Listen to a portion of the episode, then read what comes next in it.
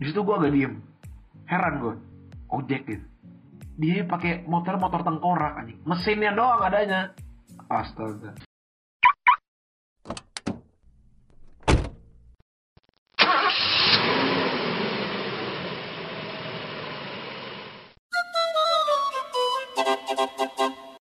Hai semuanya, kembali lagi di podcast di saat macet. Pada episode kali ini kita akan menceritakan beberapa cerita dari teman-teman pendengar uh, tentang topiknya apa Jerak? Topiknya adalah kejadian konyol di angkutan umum. Ingat ya, konyol. Jangan mentang-mentang kita share di media sosial kita KOF. Anda jangan berpikiran kotor. Itu tuh kata-kata yang bener tuh itu T di balik bintang itu T. Eh kok T? Eh yeah, bukan.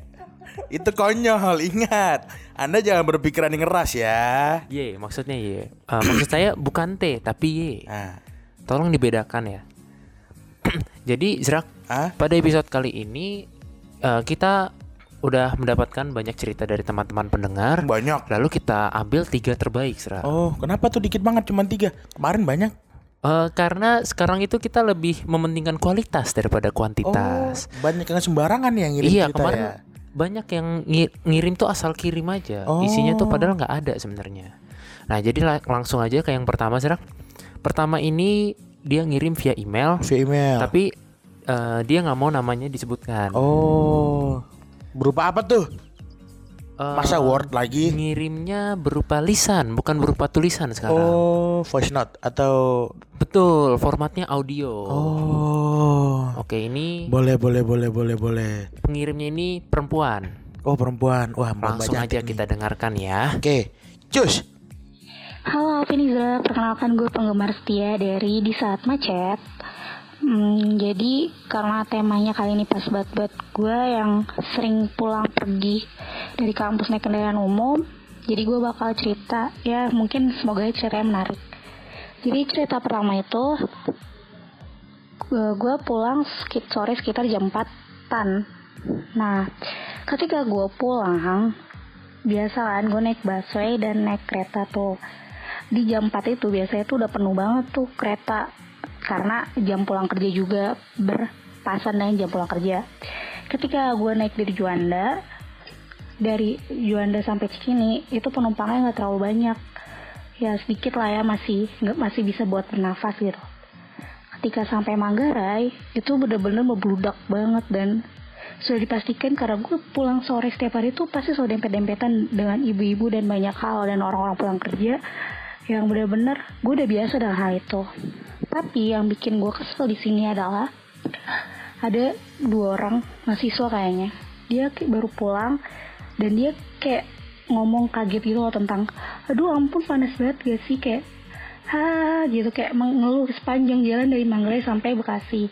Dan itu tuh buat gue kesel banget maksud gue kalau emang dia naik KRL dia udah tahu konsekuensinya kenapa harus ngeluh gitu. Dan di situ posisi semua orang lagi pada capek habis pulang kerja dan dia ngeluh dari Manggarai sampai Bekasi dan itu omongannya itu itu aja menyombongkan diri sendiri.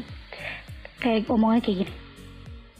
Ya ampun ini kenapa penuh banget? Aduh gue ditusuk aduh kaki gue nggak bisa nyampe. Bla bla bla bla.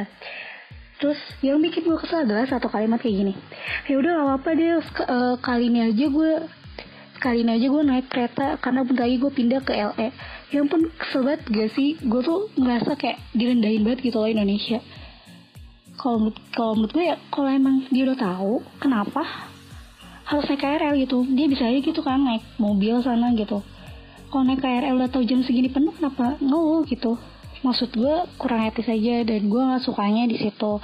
Menurut gue tuh hal menyebalkan karena ketika lo lagi sangat capek dan lo pengen nyampe rumah dan udah penuh desak-desakan panas tapi ada seseorang dua orang yang ngoceh dan merendahkan orang lain itu menurut gue adalah hal yang menyebalkan dan yang kedua ini sebenarnya udah lama sih cuman gue nggak mau. Eh udah lama cuman gue lupa ini kapan. Jadi dulu gue pulang kuliahnya siang. Dan karena ini alasan gue selalu mau naik kereta di bagian perempuan nggak mau dicampur lagi. Jadi waktu itu gue pulang siang, gue dapat duduk dari Juanda. Tiba-tiba di stasiun mana tuh ada bapak-bapak yang duduk di samping gue. Dan gue di situ tidur, wa- walaupun tidur, tapi tetap aja kan tidurnya nggak sepules orang-orang tidur karena takut tinggalan keretanya atau pas gue turun malah gue kebablasan tidur. Nah, jadi situ gue tidur, gue meluk tas gue, tiba-tiba gue ngerasa kok ada yang nyentuh-nyentuh pinggang gue. Nah, terus gue diemin dulu, gue pikir mungkin gak sengaja kesenggol kan. Terus kok makin lama makin ke atas, gue ngerasa, wah kenapa nih kok makin ke atas. Akhirnya gue lirik dulu tuh dan bener di situ ada tangan bapak-bapak.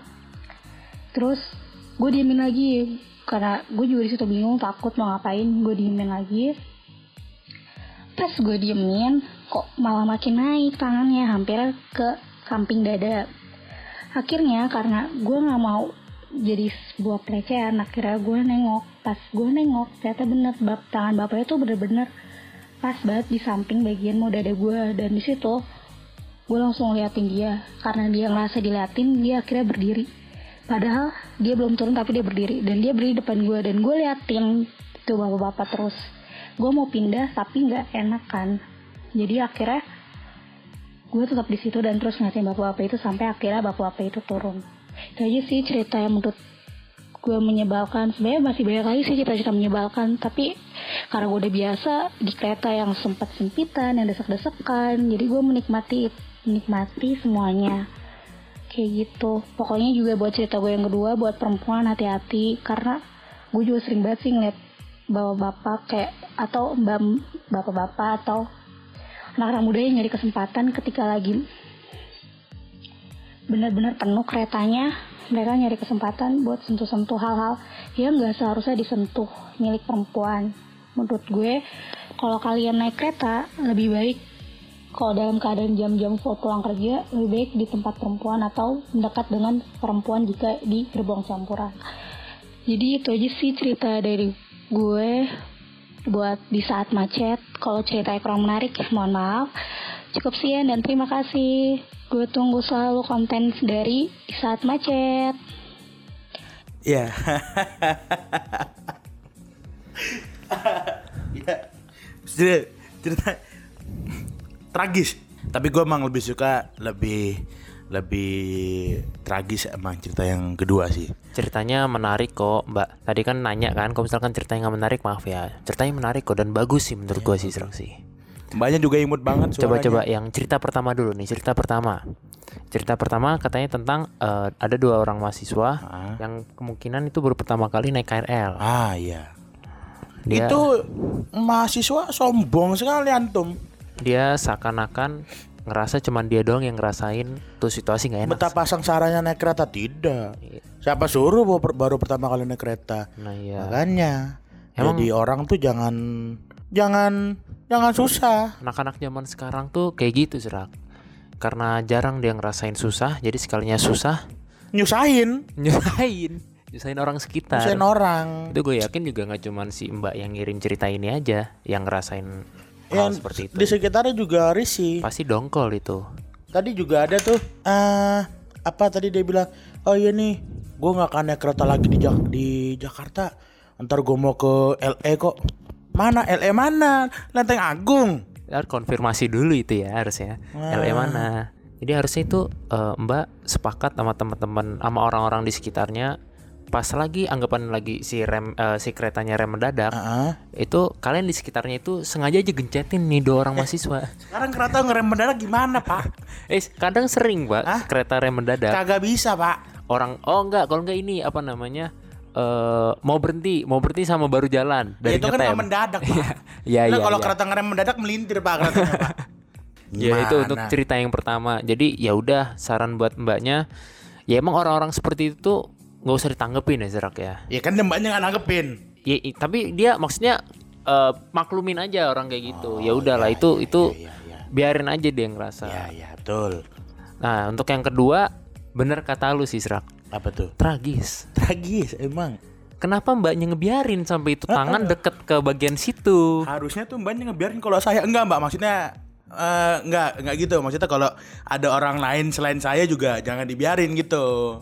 Emangnya Anda tahu mbaknya seperti apa? Oh iya. Oh, apa jangan-jangan Anda semua semua tipe perempuan tuh Anda mau-mau saja? Jangan gitu dong. Jangan gitu dong. Itu harusnya Ya, Mbak menghentikan Mbak juga awal kalau- itu harusnya, ya enggak? Apa?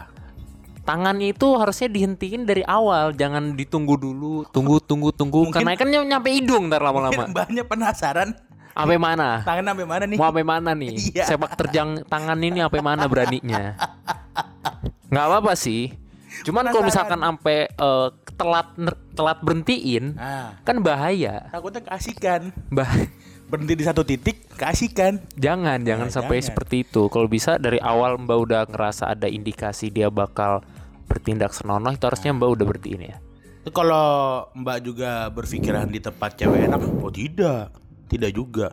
Mbak juga pasti ngerasain di tempat cewek lebih nggak enak tuh beradu dengan ibu-ibu. Walaupun kita nggak pernah anggapannya masuk gerbong cewek, cuman kalau apa pun yang berkaitan sama ibu-ibu itu udah nggak enak deh.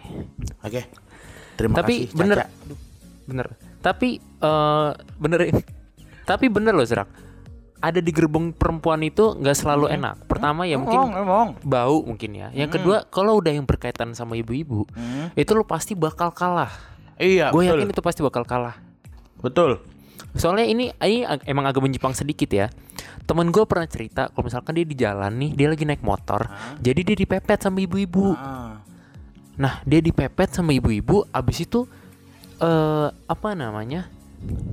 Stang, eh stang lagi. Kesenggol. Bukan, bukan. Apa namanya itu yang buat? Step, step. Bukan, bukan, bukan, bukan. Knalpot. Dikit lagi, bukan yang buat eh, berhentiin yang set. Oli samping. Bukan. Oli samping, bukan. eh standar. Oh, standar. Jadi standar tengahnya motor ibu-ibu ini katanya panjang banget. Lah. Nah, jadi pas si motor ibu-ibu ngedeketin motor temen gua, itu standarnya yang panjang ini, Nyenggol. iya anggapannya kayak eh, nyenggol terus kayak narik motor tem eh, dor apa? Cantol motor temen gua gitu. Nah, tiba-tiba motor gue jatuh, eh motor temen gue jatuh habis Ah. itu kan gara-gara standar ibunya yang terlalu panjang Ibu-ibunya nggak jatuh. Nah, ibu-ibunya nggak jatuh. Jadi temen gue jatuh, ibunya berhenti, Ah. ibunya yang marah-marah coba Zerak. Iya, Mas kalau nyetir yang bener ya kalau misalkan nggak bisa nyetir nggak usah nyetir ya, ya udah temenku yang marah-marah di situ abis itu ibunya ninggalin aja ya. nggak ngebantuin nggak apa ya itu mak- makanya kalau misalkan udah berkaitan sama ibu-ibu itu ya udahlah lu pasti nggak bakal menang Memang namanya juga ibu-ibu. Ya Ya si mbaknya juga bakal jadi ibu-ibu. Jangan ngeselin ya mbak ya. ya itu pesan untuk nanti Iya. 10 tahun atau 20 tahun Iya kemudian betul. Iya.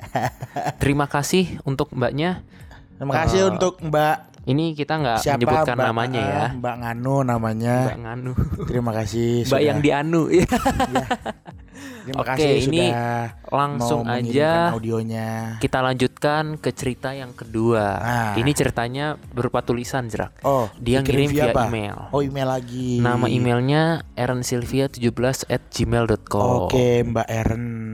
Oke langsung gue bacain aja Jadi ini sebenarnya Ini sebenarnya ceritanya udah lama banget Cuman ini cerita unik yang pernah dialamin Oh, alah, Cok, panjang ceritanya.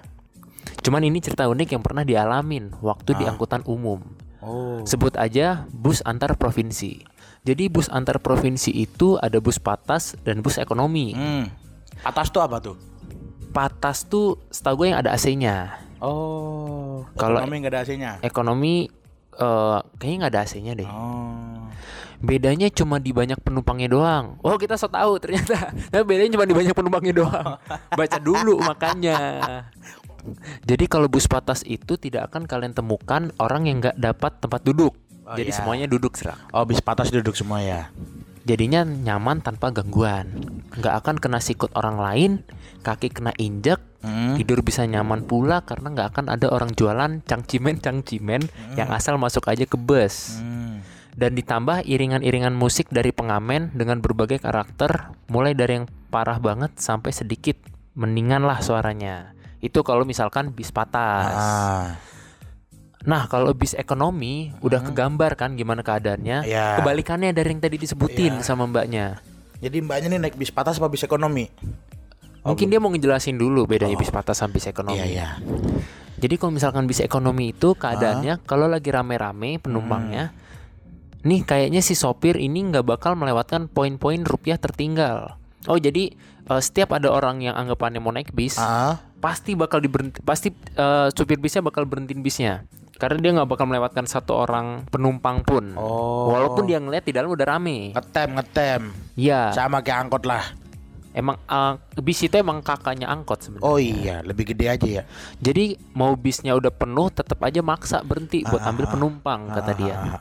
Gila sampai banyak orang ngomel pun udah kebal kayaknya tuh telinga Pak sopir. Eh, yang penting itu dapat duit, bedanya. Ya iya itu bedanya. Bis ekonomi sama bis patas. Patas. Iya iya iya. Itu bedanya bis ekonomi sama bis patas. Bis patas. Nah, pernah tuh. Jadi abis dia ngejelasin dia baru cerita nih. Ah, nggak apa-apa, nggak apa-apa, Mbak. Prolog dulu tadi ceritanya. Tadi ada proposalnya dulu ya. Nah, pernah tuh suatu ketika ngajak temen dia, dia ngajak temennya ke suatu kota, Ah. sebut aja Surabaya. Ya langsung aja ngajak temennya ke Surabaya. Ke Surabaya. Hmm. Waktu itu kebetulan mereka naik bis ekonomi ke Surabaya. Dari mana tuh? Wah, dia nggak nggak nyebutin asalnya, Serak. Oh. Lanjut aja ya. Nah, tapi kayaknya temennya ini belum pernah naik bis ekonomi. Jadi saat ada pengamen masuk, dia nggak sadar tuh kalau itu pengamen jalanan. Ah, ah. Dikiranya iringan musik wajib di bus itu. Iya. emang dikira kafe dengan live musik kali ya? Bener sih. Emang emang kalau misalkan orang yang nggak pernah naik bis tuh beneran nggak tahu ya Nggak gambaran di tahu. dalam bis tuh kayak gimana? Nggak tahu.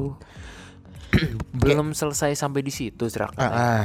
Selain pengamen, ada juga orang jualan cemilan-cemilan. Oh, itu itu masih enak sih. Ah, ah, kalau misalkan enak.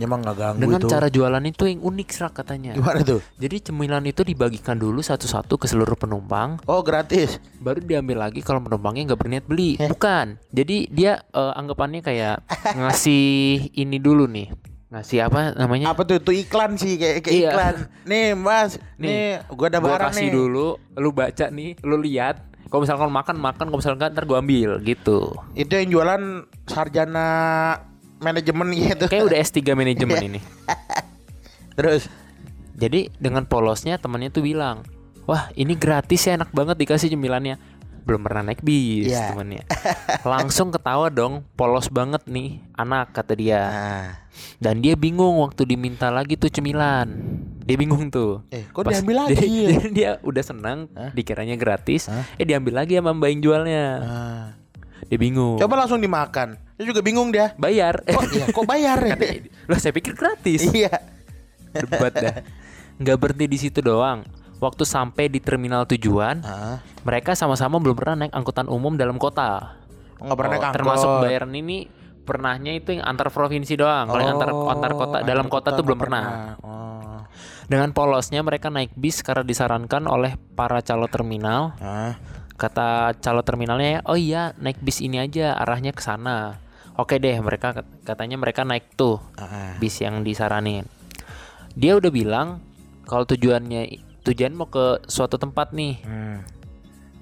Nah, habis itu mereka jalan tanpa ada feeling jelek apa-apa. Ah, ah. Waktu bisnya mulai jalan sampai akhirnya banyak penumpang yang Ah. udah turun, Ini udah bis dalam kota nih. udah udah da- Ah, udah iya. di bis dalam kota. Padahal menurut menurut dia nih tujuannya masih jauh. Ah, nggak taunya? Eh, tapi yang lain udah pada turun. Ah, Dia kayak kayak mikir gitu, "Ini perasaan tujuan masih jauh, kok yang lain udah pada turun. turun.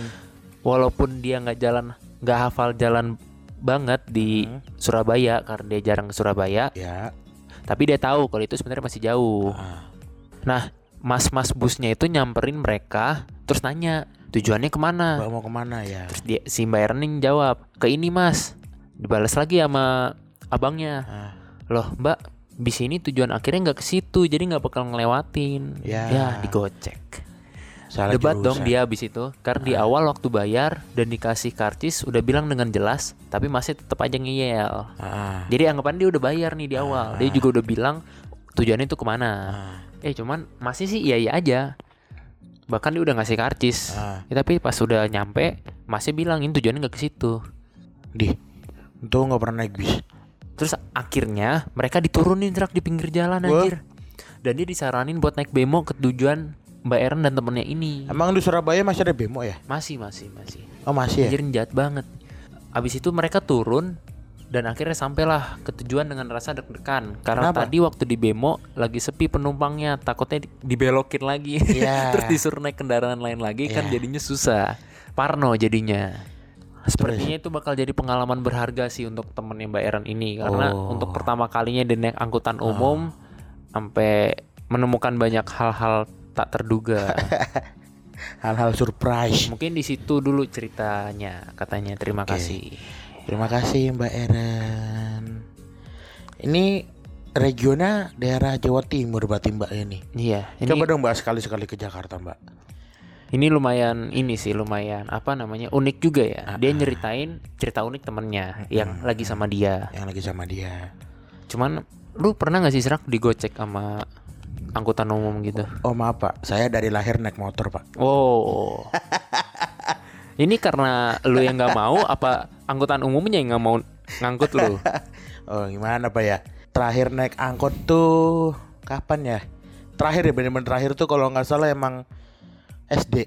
Pas gue SD tuh terakhir. Oh, gue yakin itu pasti sama mak lu nganterin mak lu ke pasar. Enggak. Oh bukan, soalnya itu pengalaman gue terakhir tuh nganterin Ya. mak gue ke pasar waktu SD. Naik angkot. Iya. Ya. Kalau lu ke mana tuh? Rumah sakit? naik sunat, angkot sunat. Pulang sekolah Pak. Oh pulang sekolah. Oh rumah sekolah lu Pulang- jauh dulu. Pulang sekolah deket sih paling ya adalah 8 sampai 10 kilo. Itu SD jauh. Itu Deket, jauh Pak. sayang. Deket, deket Pak. Oh, lu dulu SD masih naik angkot sama mak lu ya? Enggak. Oh, Biasanya kan kadang-kadang. biasanya kan ada ini yang jemput biasalah Oh gitu. dari sekolah Ajudan. emang. Iya.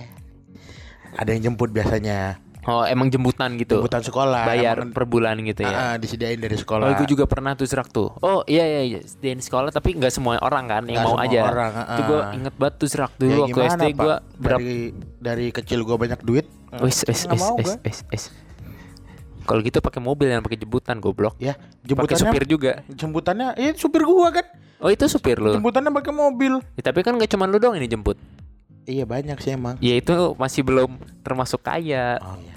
Iya. Nah kalau misalkan gua dulu Zrak, gue inget banget tuh. Gue dulu waktu SD, Ah, kalau ngomongin masalah jemputan, ah, itu gue sempet dua bulan atau tiga bulan gue naik jemputan, dijemput jemputan. ah, Dan gua karena saking padatnya itu jemputan, ah, saking banyaknya masih apa siswa yang diangkut, itu gua, gua kadang kalau keluar nggak naik nggak lewat pintu, lewat jendela. itu gue masih muat tuh dulu SD tuh. Kan kalau sekarang udah nggak bisa. Serius pak? Lewat jendela. Iya.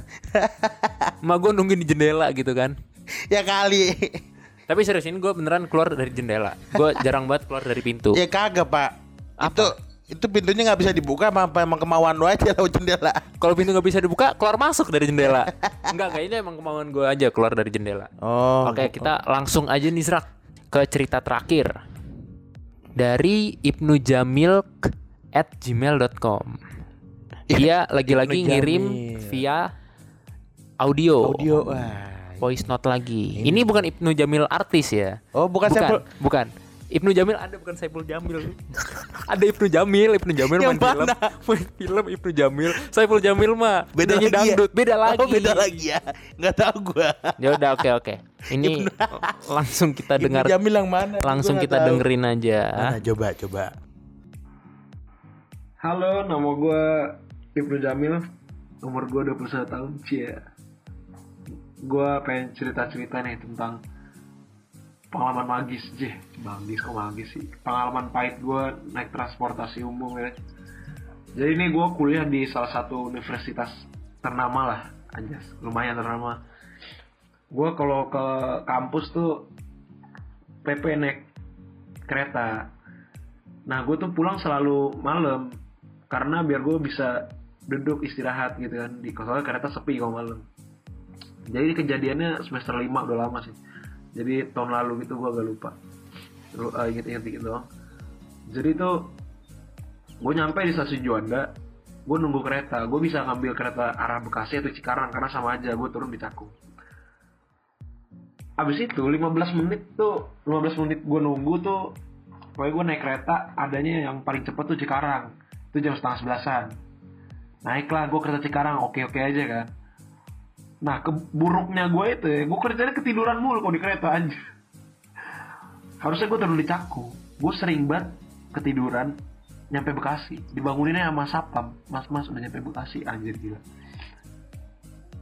Selalu kayak gitu gua. Nggak selalu sih pokoknya sering banget kayak gitu. Gua kalau capek tuh tidur. Gua orang pelor gampang ah, pelor tuh. Nempel molor cie gitu. nah kalau sekarang nih gua naik naik kereta arah, arah Cikarang nih ya kan kebetulan HP gue lobet gue nggak bawa casan. Jadi mending HP gue gue taruh tas. Soalnya gue pengen pesan gojek lagi dari stasiun ke rumah kan. Habis itu gue memilih kayak cuma ya udah diem aja gitu kan.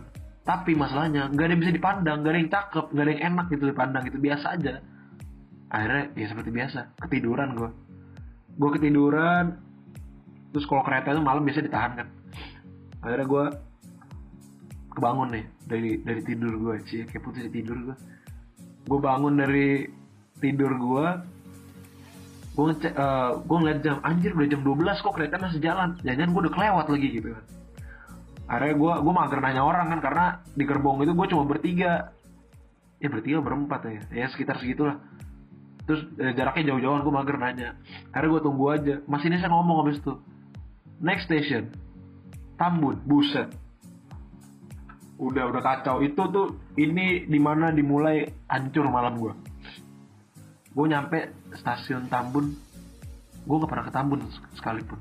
Ke Bekasi aja jarang apalagi ke Tambun. Entah berantah tersesat gue gila hilang arah langsung gue mikir kan anjir gue gimana balik ya? Kalau gue pesen gojek dari Tambun ke rumah gue di Pulau Gebang berapa nih 2 juta anjing. Gila juga kan gue astaga akhirnya udah cueknya lah gue pesen gojek aja. Langsung gue rogoh HP gue di tas. Gue nyalain HP gue mati baterainya habis. Anjir udah hancur dunia. Makin panik gue mulai keringet dingin. Keringetnya tetes tetes gitu ya. Anjir oh iya naik taksi ini bener banget gitu kan. Oh udah aman gitu. Gue kalau itu gue naik taksi aja lah. Gue keluar keluar wah stasiun Tambun udah gelap. Yang keluar tuh cuma tiga orang di stasiun Tambun. Udah gelap kan gue gue ngikutin aja orang yang orang yang keluar karena gue nggak tahu arah keluarnya mana. Keluar terus gue jalan 50 meter ke gue ketemu jalan gede. Gue nunggu di pinggiran jalan pakai kemeja pakai tas asus celana panjang pakai sendal. Terus habis itu bawa tentengan kayak orang abis kerja lah nggak jelas lah culun gitu. Di belakang gue ada lapak yang kayak jualan nutrisari segar sari apa Arinda Granita Frutang lah anjing. Jual-jual gitu sama ada orang pacaran-pacaran gitu cie nah, gue habis itu ya kayak berdiri dekat situ aja berdiri berdiri dekat keramaian gitu kan. Akhirnya habis itu tiba-tiba datang pahlawan gitu kan. Cie pahlawan gak jelas. Datang nyamperin gue ojek deh gitu. Di situ gue agak diem. Heran gue ojek gitu dia pakai motor motor tengkorak anjing. Mesinnya doang adanya. Astaga. Spionnya kagak ada. Sennya kagak nyala. Kagak pakai helm. Ini orang pakai celana pendek. Anjing. Ini orang ojek apa ghost rider anjing? Curik nih kayak ghost rider lagi berubah anjing. Gak jelas. Gue bilang oh ini gue namanya self kalau ini self defense gitu oh enggak lagi nunggu temen sih ya. Ceritanya punya temen gitu ya. Akhirnya oh ya udah gitu. Dia dia parkirin motor dia di belakang gue di tempat yang buat orang-orang nongkrong gak jelas itu. Anehnya lagi gue di kayak gitu tiga kali anjir. Duanya lagi sama aja semuanya. Motornya motor tengkorak isinya kayak mesin-mesin gak jelas orang-orangnya juga gak jelas. Jadi gue bilang hal sama. Terus gue kayak sempet nengok-nengok belakang gitu. Gue agak paniknya. Soalnya nih manusia ini nih kayak beberapa manusia yang gue ketemu itu ng- ngeliatin gue gitu kan. Wah panik dikit gue langsung lah gue jalan kaki lah gue cabut. Gue langsung ambilnya gue jalan kaki ke kanan soalnya kereta gue dari kanan gitu kan. Gue selesai eh gue selesai. Gue jalan kaki yang di pikiran gue cari taksi cari taksi cari taksi. Gue cari jalan gede. Akhirnya gue nemu taksi. Kelewatan gitu tapi dia akhirnya gue lari dulu. Oh apa apa, apa teriak-teriak gitu. Gue samperin langsung gue buka pintu belakang. Jebret! Dikunci sama dia. Anjir emang dikira gue begal apa gitu kan gue samperin depan pak pintunya apa gitu. Terus dia ngomong arah mana dek? Gitu. Terus dia ngomong eh terus gue ngomong cakung pak bekasi. Oh dek gak sarah ditinggal gue anjir sembarangan banget itu orang. Gak ada etikanya emang dia main pergi aja. Akhirnya gue jalan kaki lagi lurus. Nggak tahu gue nih arah ke mana. Pokoknya lurus ya. Gue yakin lurus sih. Soalnya ada jalur kereta kan gue ikutin aja lurus aja terus. Lurus terus. Terus gue nyampe nih. Nggak nyampe sih. Gue di depan nih ngeliat kayak ada metro mini parkir gitu loh. Kayak kan lu kalau yang metro mini kelar kelar narik kan parkir gitu ya. Ada tiga atau empat metro mini. Gue jalan. Gue tuh pikiran gue ya gue ke mana-mana lah anjing nih gue naik apa balik nggak ada taksi segala macem gitu kan. Tiba-tiba ada yang ngagetin gue di depan gue tiba-tiba ada tiga orang. Nanya mana lu bro? Gitu. Gue langsung ngomong kan ke Bekasi bang. Buset jauh banget gitu dia ngomong gitu kan. Terus tuh ya gue diem doang gue gak balas terus tuh. Gue sebenarnya ya ditanya kayak gitu orang biasa kan. Tapi gue nggak biasa. Karena apa? Yang nanya gue anak pang. Anjir. Udah. Udah heran banget gue ini anak pang bertiga udah kurus gitu kan. Ya nggak kurus kurus banget sih. Kurus rambutnya keras banget tuh. Pomade satu pomade full kayak dipakai mana itu buat sehari. Rambut keras badan bau banget anjing. Kayak lu tau lah anak pang kagak pernah mandi kan bau ketek anjing. Disamperin gue sama tiga orang ini.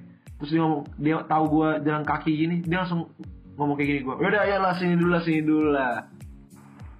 Di situ hancur hidup gue anjlas lebay banget gue jadi tuh gue dibawa akhirnya. Akhirnya gue nurut aja dong. Gue tuh udah gue tuh udah mati udah pasrah aja anjir kayak ya Allah apalagi ujian darimu ini ya Allah. Gitu akhirnya gue nurut aja oh iya iya gitu.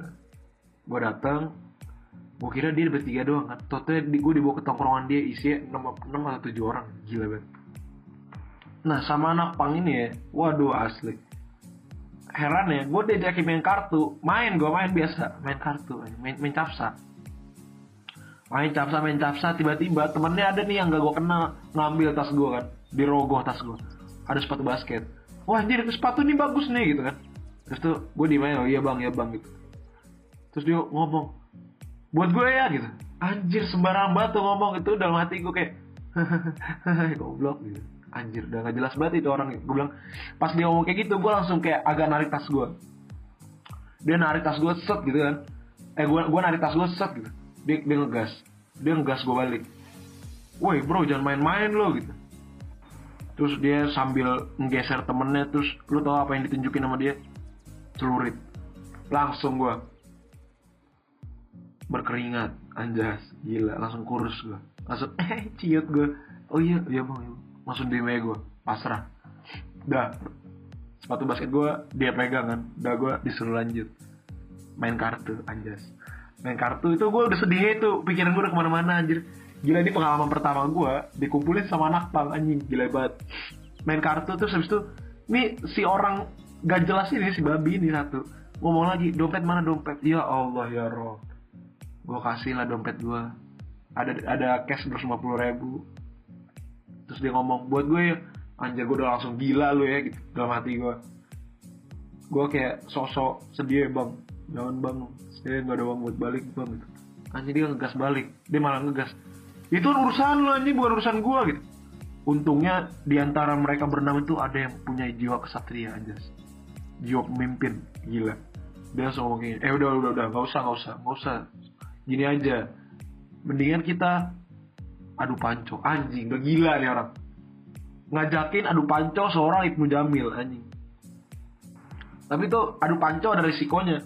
Kalau gue kalah diambil seratus ribu. Jadi tiga kali main seratus ribu seratus ribu lima puluh ribu. Langsung aja di panco nih gue yang pertama panco gue yang pertama gue kalah diambil seratus ribu gue udah sedih gue udah pasrah gitu ya Allah gitu kan akhirnya yang kedua gue menang. Yang ketiga gue menang anjas. Selesai lah dapatlah duit gue 150 ribu di dompet masih aman. Diajakin aja main kartu. Wah ini orang udah gila nih. Kok gue udah gila mulu ya? Wah ini orang udah, udah kacau banget. Akhirnya gue memberanikan diri ngomong bang saya besok harus kuliah bang. Jauh bang. Besok harus berangkat pagi gitu. Sih melas melas nggak jelas gitu.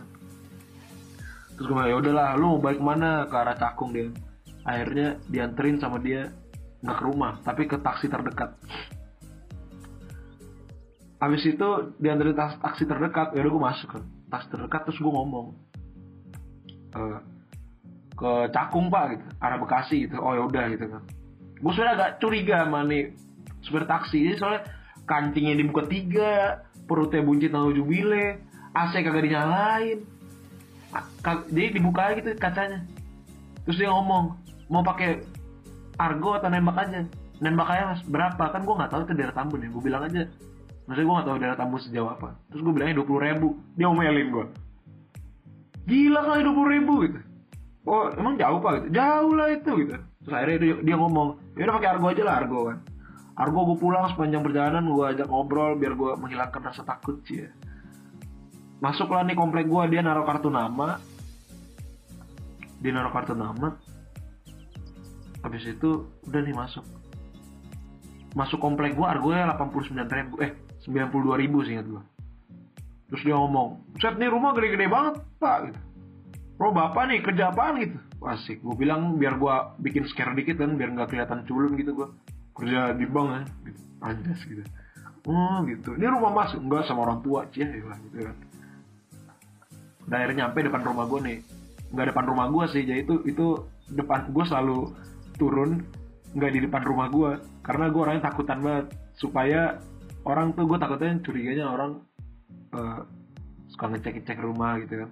Gue turun di sebelah rumah gue gitu cia Tuh, tapi itu posisinya gue udah kayak anjir akhirnya gue nyampe rumah udah sedih banget gitu udah tenang udah sedih tenang segala macem lah. Argo 92 ribu.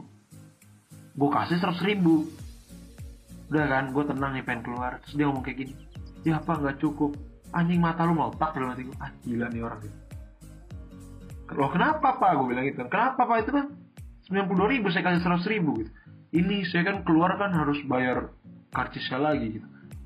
Oh enggak pak. Enggak pak. Itu karcis bapak kasih aja. Ntar langsung dikasih kartu nama yang nggak pakai bayar gitu. Ini orang udah sembarangan nih ngomong dalam hati gue terus dia ngomong juga abis itu ya pak gak tau lah nih saya kan harusnya ke Gambir nih pak udah keluar jalur banget. Gitu. Gak tau dia ngomong segala tete bengeknya itu aja nggak jelas. Gue tuh di di eh, di taksi tuh kayak udah diem aja gue kayak udah pasrah banget dah. Anjir serah lu ngomong apa gitu. Kan dompet gue sisa 150 ribu kan. Udah gue kasih 50 ribu lah dan nih pak nih pak nih pak gitu. Dari gue udah keluar dari taksi gue tunggu dia dulu tunggu dia cabut tunggu dia selesai dia cabut baru gue geser ke rumah gue masuk ke rumah buka pintu rasanya indah banget rumah itu artinya home sweet home. Minum segelas air putih masuk kamar taruh tas terus akhirnya gue duduk di tempat tidur.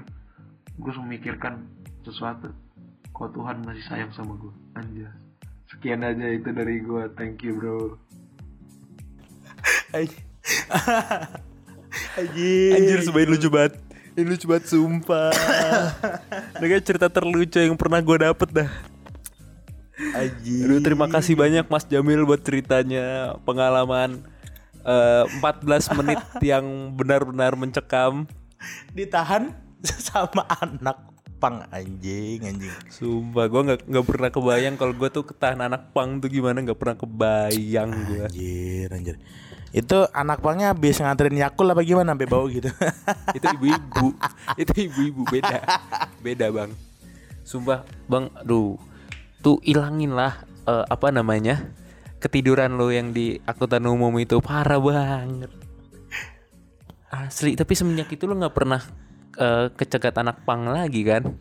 Saya nggak pernah sini udah. Udah itu Aduh cukuplah sekali aja kali itu ya. Pertama dan terakhir tuh. Jangan sampai lah. Dia bilang Hancur hidup gue Hancur malam gue gitu. Akhirnya pas Oh, dia bilang sih. hancur malam gue Gue ngakak banget parah Wah gila sih ya. Wah gila sih emang. Wah nggak ada otaknya.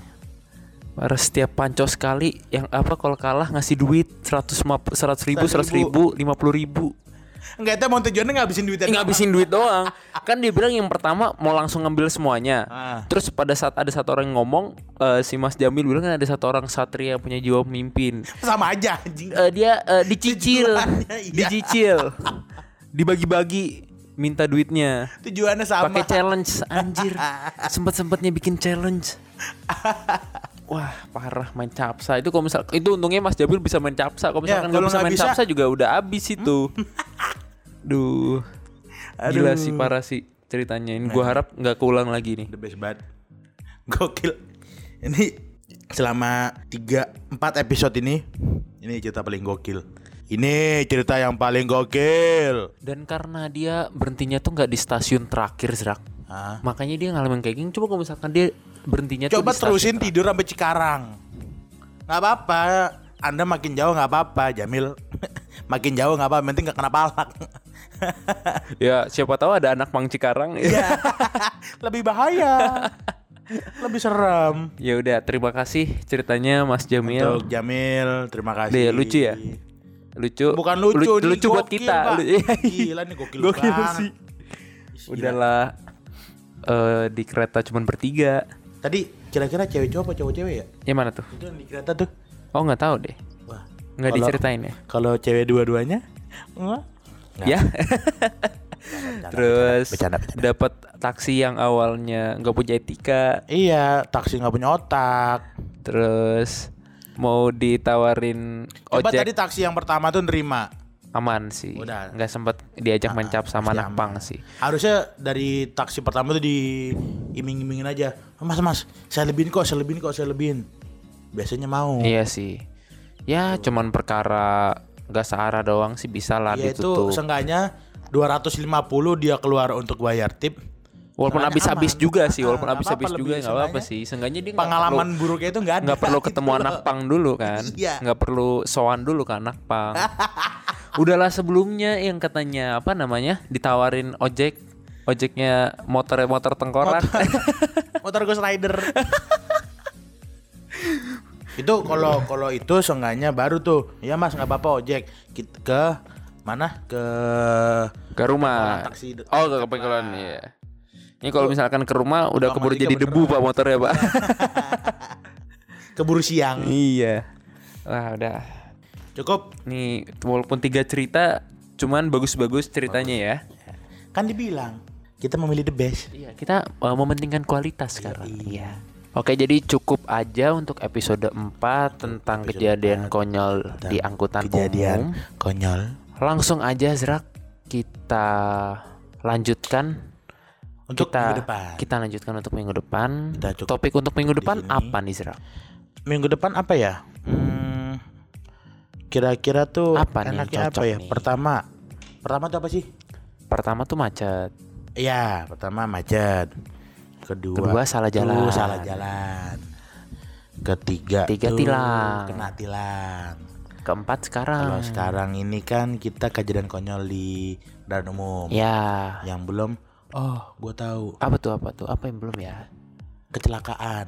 Nauzubillah min zalik sih, tapi pasti ada sih. Oh pasti. Oh iya benar benar. Oke oke oke. entah oke. Anda yang mengalami, entah Anda yang melihat atau nolong orang kecelakaan, ceritain aja. Boleh boleh boleh. Bisa. Ngirim cerita ke kita sekarang udah bebas ya. Iya. Bisa via tulisan, mau diketik, Mau diketik, Mau ditaruh di PowerPoint? PowerPoint, Excel. mau kayak Mas Gemail kemarin, Oh, nelpon langsung. lisan juga bisa telepon langsung Telepon atau langsung. seperti eh, Mas Jamil Mas Jamil tadi, dan Bisa. Mbak yang di kereta Ah, bisa. kirim voice note bisa. Kirimkan ke mana Zrak?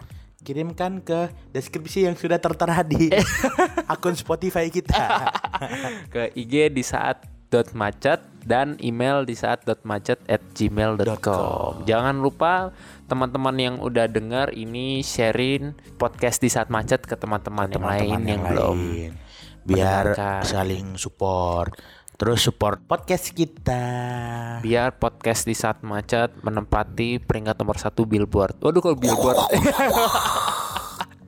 Oke, Yaudah. cukup di sini aja. langsung aja kita sudahi Gue Izrak, dan gua Alvin kita pamit. bye Bye bye.